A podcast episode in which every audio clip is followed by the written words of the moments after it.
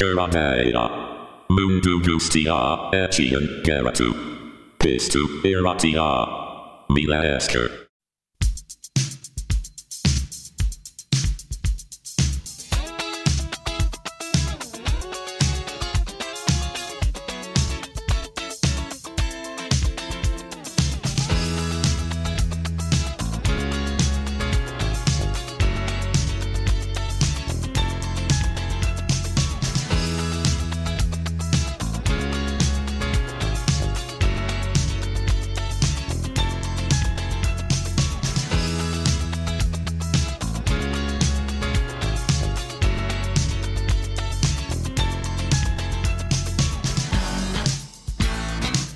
kaixo guztioi, ze modu zaudeten?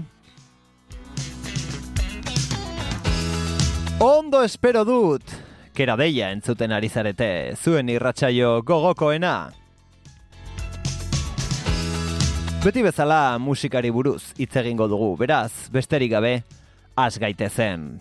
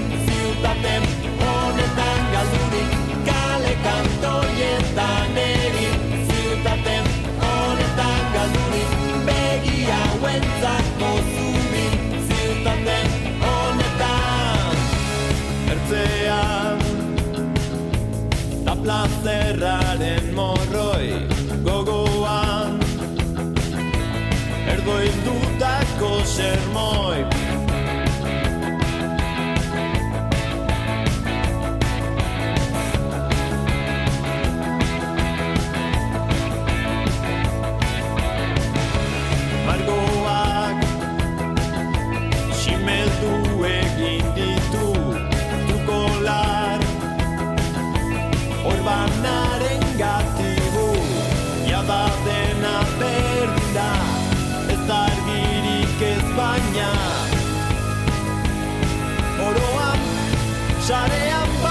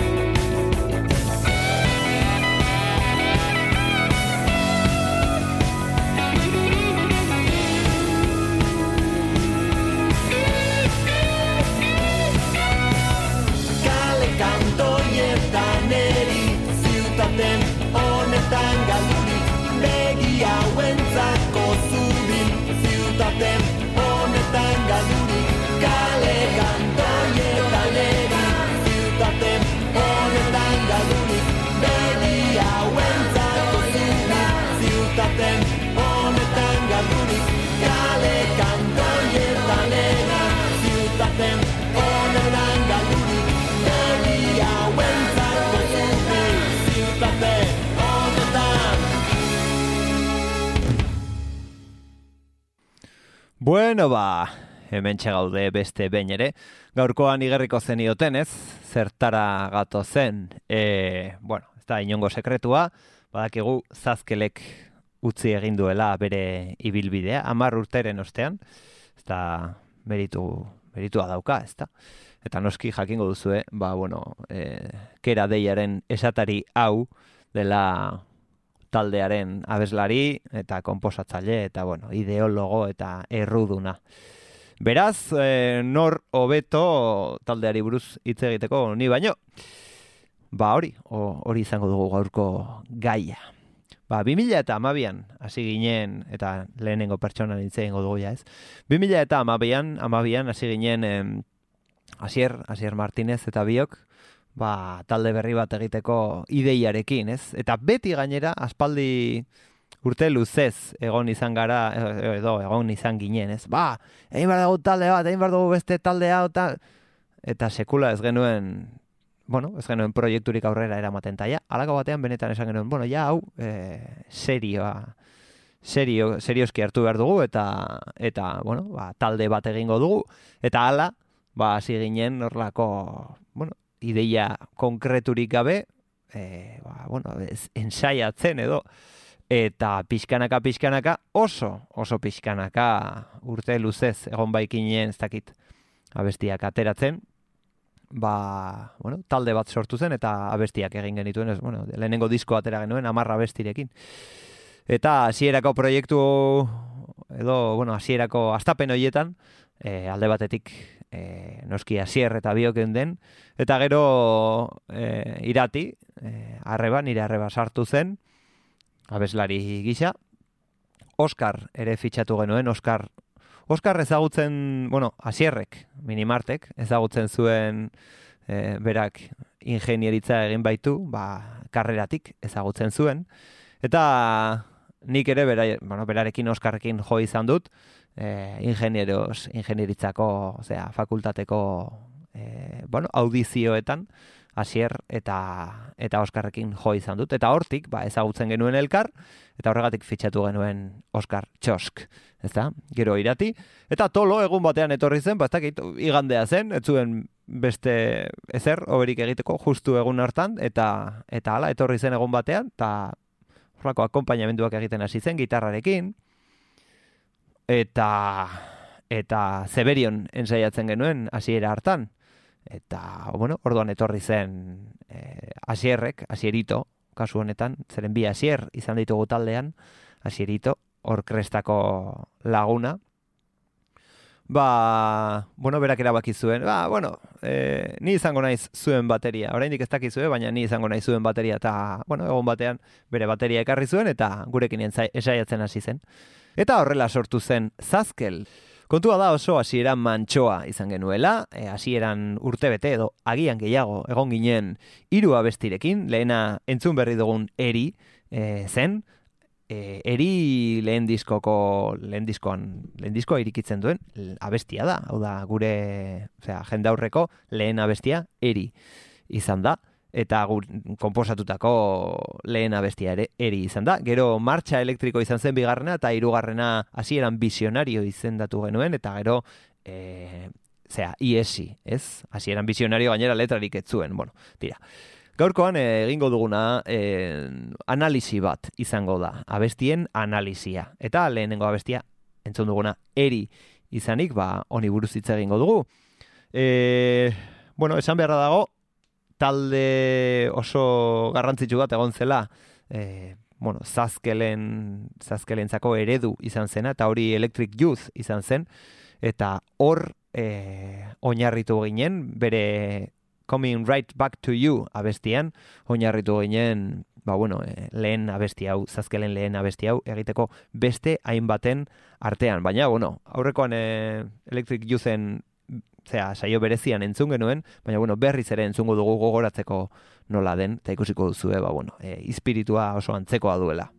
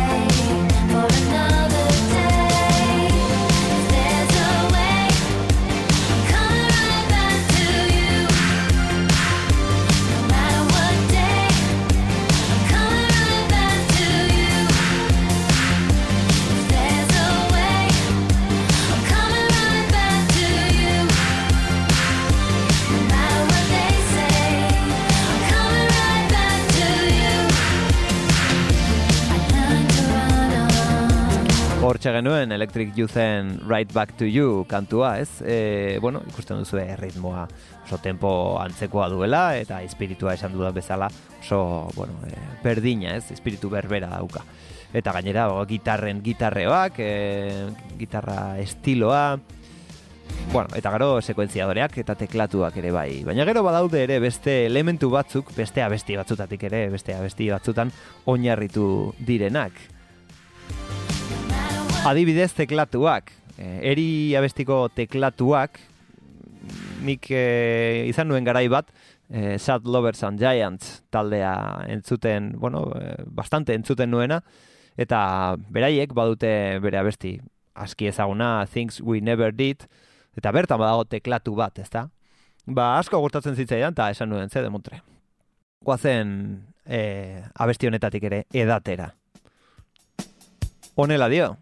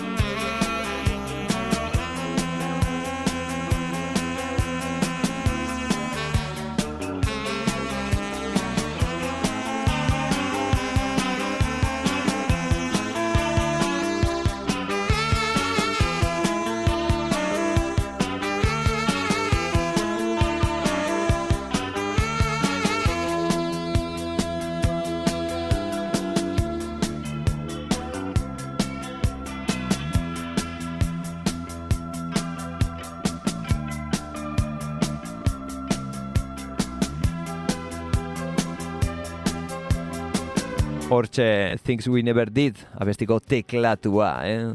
Sad Lovers and Giants taldearen abestia.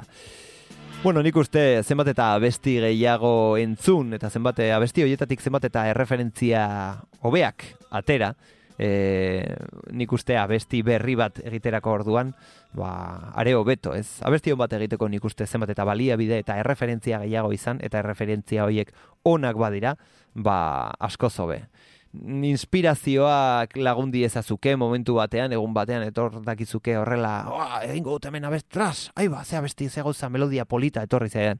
Baina, bueno, egia da e, oso adi egon behar dela eta oso eiztari egon behar dela musikaria abestiak egiterako orduan beste inguruan gertatzen diren e, bueno, abesti eta doinuei oso harreta handiz e, begiratu behar zaiela, ez?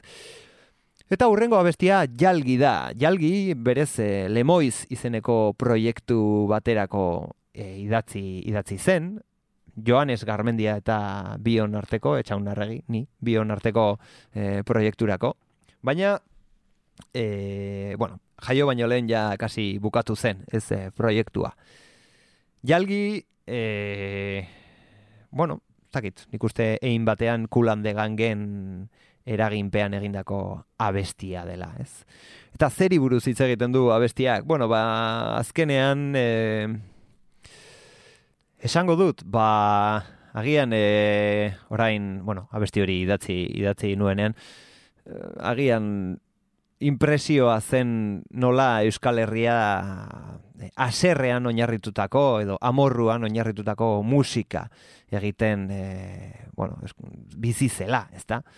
Eta kontxo, e, munduan badude beste musika mota asko, ez? Eta denbora guztian rock e, amorratua eta eta horlako musikak egitea, ba, ba, ba, bueno, hortik atera ere, noizbait egin behar da, tarteka, niri roka asko gustatzen zaitez, eta oso amorru ondiz e, gauzak egitea ere bai.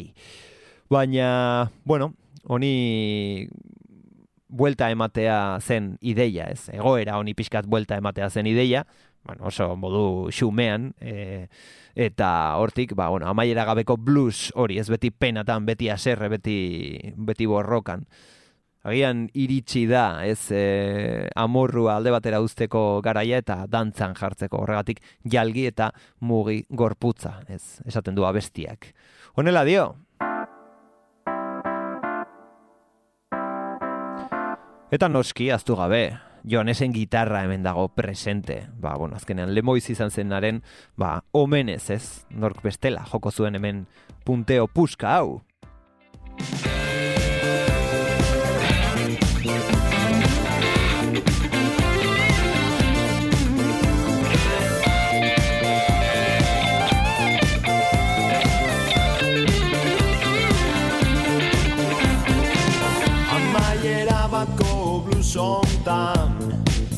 Bertan itzali zain. Argia bertan agortu. Agortu zain bizia. Jalgia dio bisakonetik Aiza martxa honen. Aria da dantzan jarri. Jarri dantzan gerria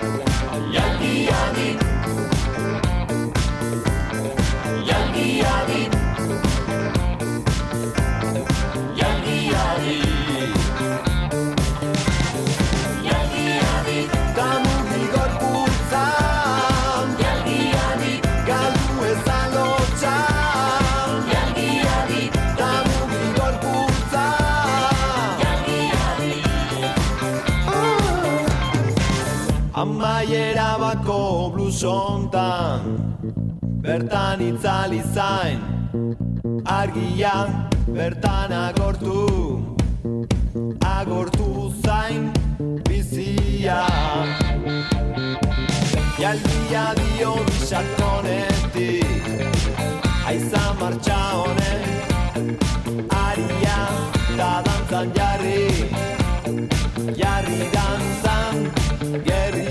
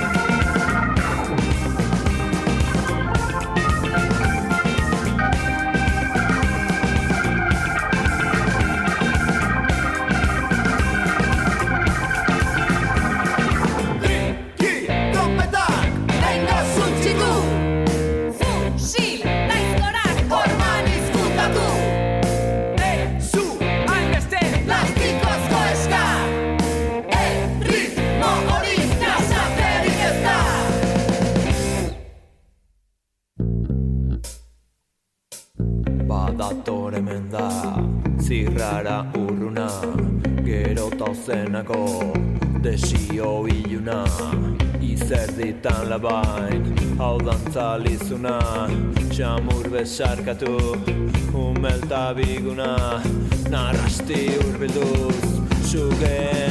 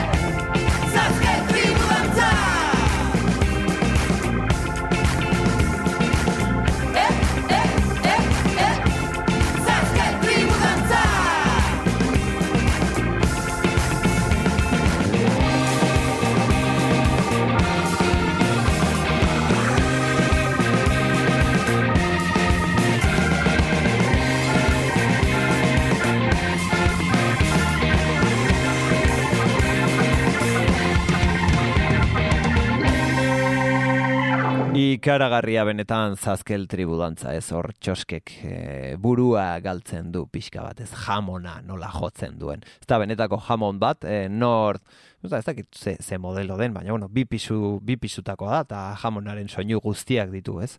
Sekulako teklatu puska. E, bueno, hortxe egon ginen garate estudioetan. Lehenengo maketa Raul Bilanekin, hau da asierito bateriaren anaiak, e, anaiarekin grabatu genuen, bere amasei pistako, e, amasei pistako zean, e, maiean, eta egia esan oso lan majoa gelditu zen. Eta gero bigarrena, lehen diskoa alegia, e, bueno, kakirekin egitea erabaki genuen, ba, hori, bakoitzak mila euro jarri genuen gure poltsikotik eta eta hor joan ginen, ez? E, garate estudioetara. Eta sekulako esperientzia izan zen, hor mendian aislatuta egotea, ba, abestiak e, egiten.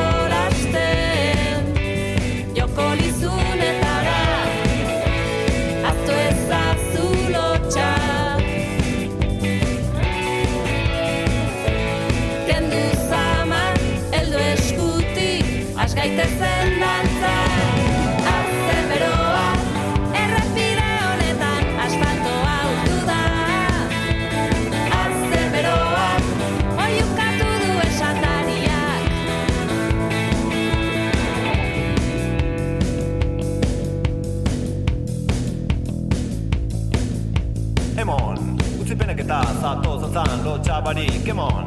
Usipena kita sa to san san lo cha bari, come on. Usipena kita sa to san san lo cha bari, come on.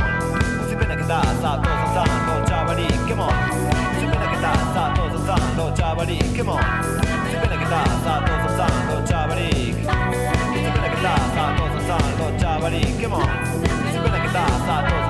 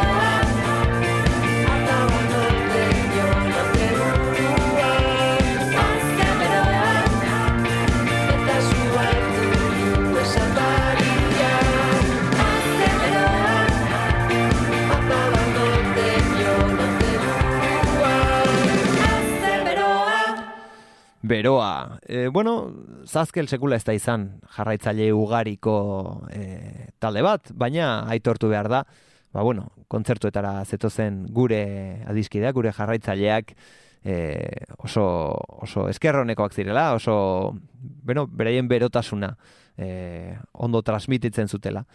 Eta nik uste gehien eskertzen zuten eta gehien eskatzen zuten abestia beroa zela, ezta? E, konturatu gabe horre, mira, e, pa- paralelismo bat sortu dut, abestia beroa, kontxo, nahi gabe izan da. Urrengo kantua anestesia da. Eta anestesia, ba bueno, azkenean, eh, azkenean zeri buruz hitz egiten du, eh, aipatzen dugu Instagrameko hipsterrak, ez? Bueno, garai, orain, amar urte, ja, hipsterren rollo hori, bueno, ez dakit, uf, pixkat oso arraro, oso, hipsterrak oso gauza arraro izan dira. E, Instagramen, ba bueno, gure burua erakusten dugu gure bizitza oso interesgarria eta eta zoriontsua dela erakusten diogu munduari Instagramen bitartez, ez? Bueno, agian pixkat makilatu egiten dugu errealitate hori, ez? Bueno, ba, mm, anestesia, anestesia txik taldearen I Want Your Love abestian oinarrituta dago. Bueno, oinarrituta edo abesti horrek eraginda idatzi genuen, ez? Zeren txik izan baita, talde guztien artean zazkelen erreferentzia nagusia. Bernard Edwardsen bajoa eta Nile Rogersen gitarra, ezta? Eta gero noski koroak. Ba hori, anestesia. Oraindik ere anestesiatuta gaude, nik uste gero eta gehiago, ez? Pasa ditugun azken bi urte hauetan telebista itzaltzea ez zaio inori, osea, okurritu, eta hortxe ez, e, denok egin diogu men telebistak eta, bueno, e, komunikabidek esan dutenari, ezta? Ba hori, anestesia. Gozatu abestia.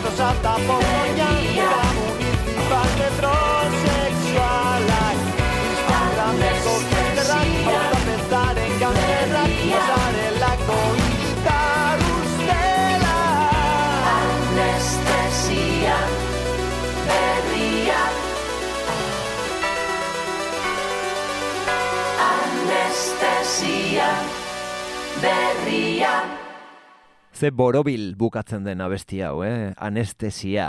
Azkeneko koro hoiek horrela bakarrik gelditzeko, bueno, gelditzearen ideia kakirena izan zen, beraz, eskerrak eman behar dizkiogu horregatik, eta baita, bueno, egindako beste hainbat mila ekarpenengatik ere, zeren azkenean guk materiala eraman genion, eh, zera, osagaiak eman genizkion, eta gero berak montatu zituen abestiak, eta berak esan zigun, haber, sartu hemen gitarra bat, eh, hemen egin ez dakiz ze figura, tal, orduan izan zen, eh, berarentzako, bueno, nik uste, pentsatu nahi dut, gu, jostailu batzuk izan ginela, eta berak eh, montatu zituela bestiak, eh, ba, berak eh, bere esperientzian oinarrituta, ba, oberen eh, pentsatu zuen moduan, eta egia esan, ba, guk alde horreta- horretatik aitortu behar dugu oso pozik gaudela, eta mendik, eh, ba hori, goraintziak garateko kakiri, eta Mikeli ere bai, noski. Besarkada bat. Eta mentxe dugu martxa elektriko abestia, ez? Ostiral gogoa. Diskotekan, ba, bueno, gorputza astintzeko oso aproposa den abestia. Entzun dezagun Oskarren teklatua.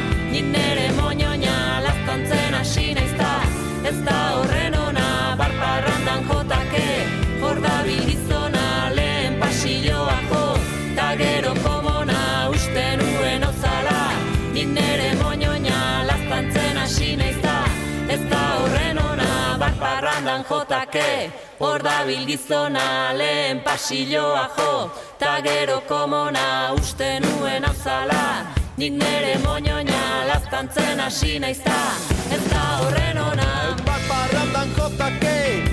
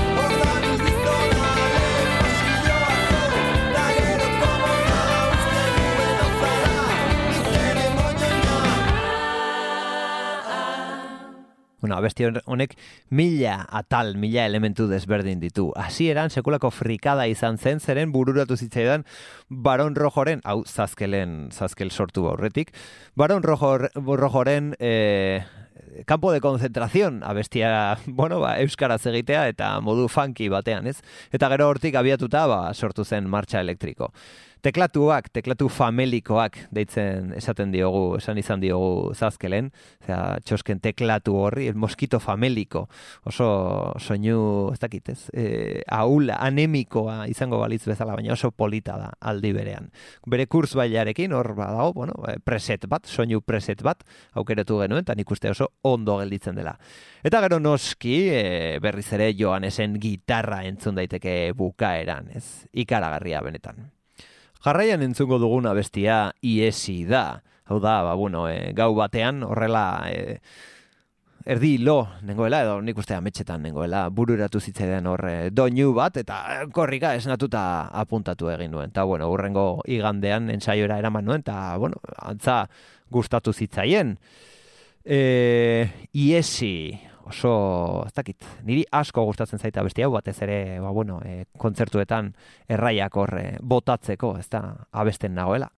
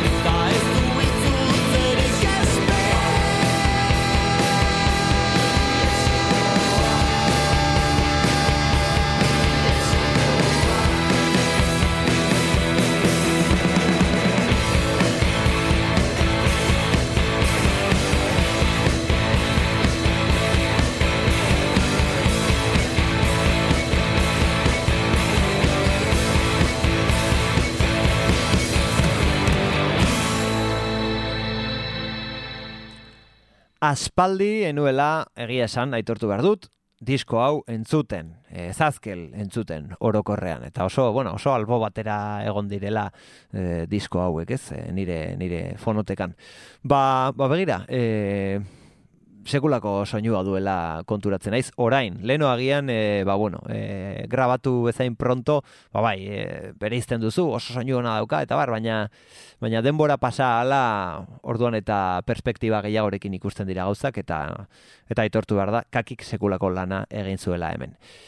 Hor entzuten den gitarra, esan bezala, pam, pa, pam, pam, pam, pam, eta bajoak ere hori egiten du, hori kakiren, zea, ekarpena izan zen, ez? E, eta, bueno, noski, hain gitarra mardula grabatzeko, ba, nik uste ezinbestekoa zela Gibson, zea, Les Paul, Les Paula erabiltzea, Zeren, e, normalean, nik e, Fender Telecasterra jotzen dut, edo jo izan dut, eta tolok e, gitarra, bueno, e, Fender Stratocasterra.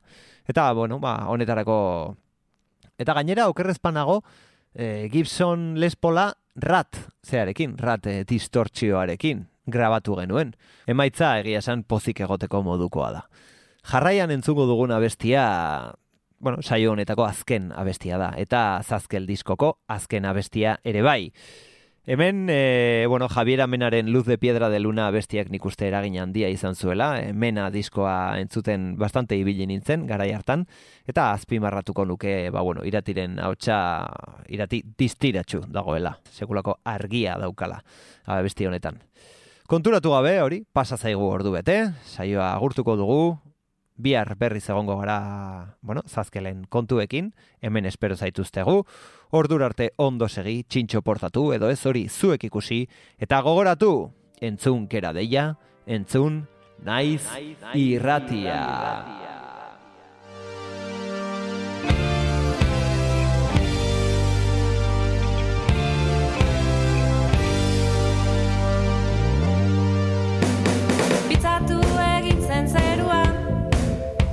Dena gorriz margotu zen gau hartan. Abiatu zen eroia Erreinuaren bidez idorretan. Saltoka